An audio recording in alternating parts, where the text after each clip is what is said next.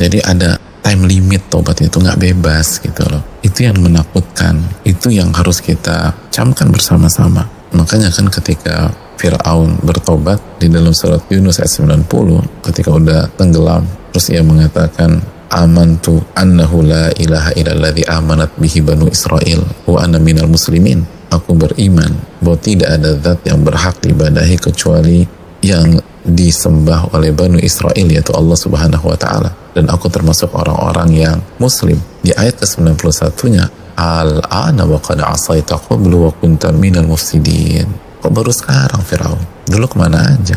Jadi nggak diterima. Padahal jelas-jelas taubat. Nggak diterima sama Allah. Dan Allah lihat kenapa nggak diterima? Apakah karena ketulusan? Apakah karena keikhlasan? Apakah karena tidak ada penyesalan? Bukan. Allah jelaskan alasannya ke waktu. Al-an al-an kok baru sekarang? Waktunya udah habis nih. Kayak ada murid nyerahin PR-nya lo kok baru sekarang nyerahin PR udah habis waktunya 5 menit yang lalu. Kok baru sekarang? Gak bisa